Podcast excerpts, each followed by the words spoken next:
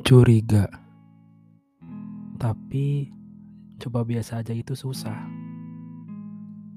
Jadinya sekarang gue cuma bisa masa bodoh aja. Gue nggak ngerti kenapa gue nggak boleh kenal teman-teman LDRan gue. Alasannya sih privasi. Tapi kadang gue pikir itu cuma alasan yang dibuat-buat aja. Selama ini gue udah hampir setengah tahun jalin hubungan. Tapi gue ngerasa pasangan gue tuh lebih takut kehilangan. Bukan karena cinta sama gue. Tapi lebih ketakut ditinggal sendirian aja.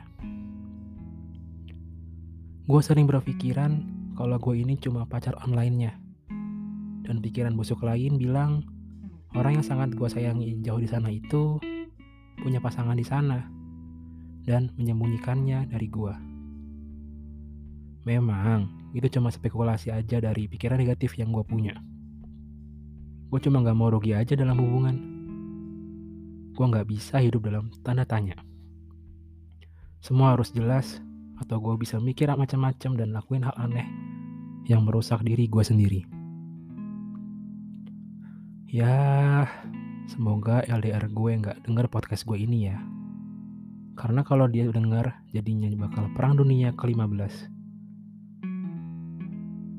Emang sih, gue nggak baik karena hanya berpikiran negatif. Tapi kalau tanpa kejelasan, gue mana bisa berpikir dengan jernih. Apa gue terlalu rendah ya buat kenal circle pertemanan dia? Apa dia takut gue dibully satu circle-nya? Atau ada yang dia sembunyiin? Jujur aja, gue udah turunin ekspektasi gue sama dia. Karena dia gak paham sama kondisi kecemasan yang gue punya.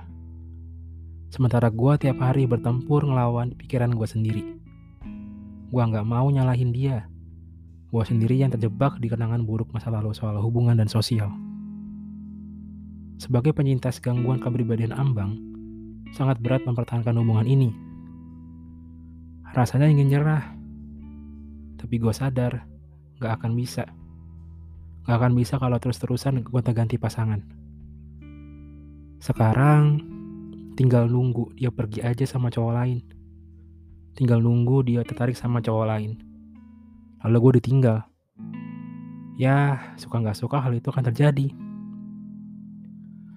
Lagi pula, apa sih yang mau diharapin dari gue? Yang di lingkungan keluarga dan sosial aja dibenci. Gua nggak mau ganggu sewaktu dia sama teman-temannya yang lebih berharga daripada waktu bersama gue. Daripada sama gue yang lebih banyak berantemnya. Akan lebih baik kalau dia bisa jatuh cinta sama teman sebayanya. Ya meskipun buat gue sakit hati banget. Tapi gue emang ditakdirin untuk terus menderita kok. Jadi ya nggak apa-apa dunia tidak pernah biarin gue lama untuk merasa bahagia. Jadi, semua kecurigaan yang gue punya, semoga aja beneran. Biar gue gak hidup dalam mimpi buruk terus.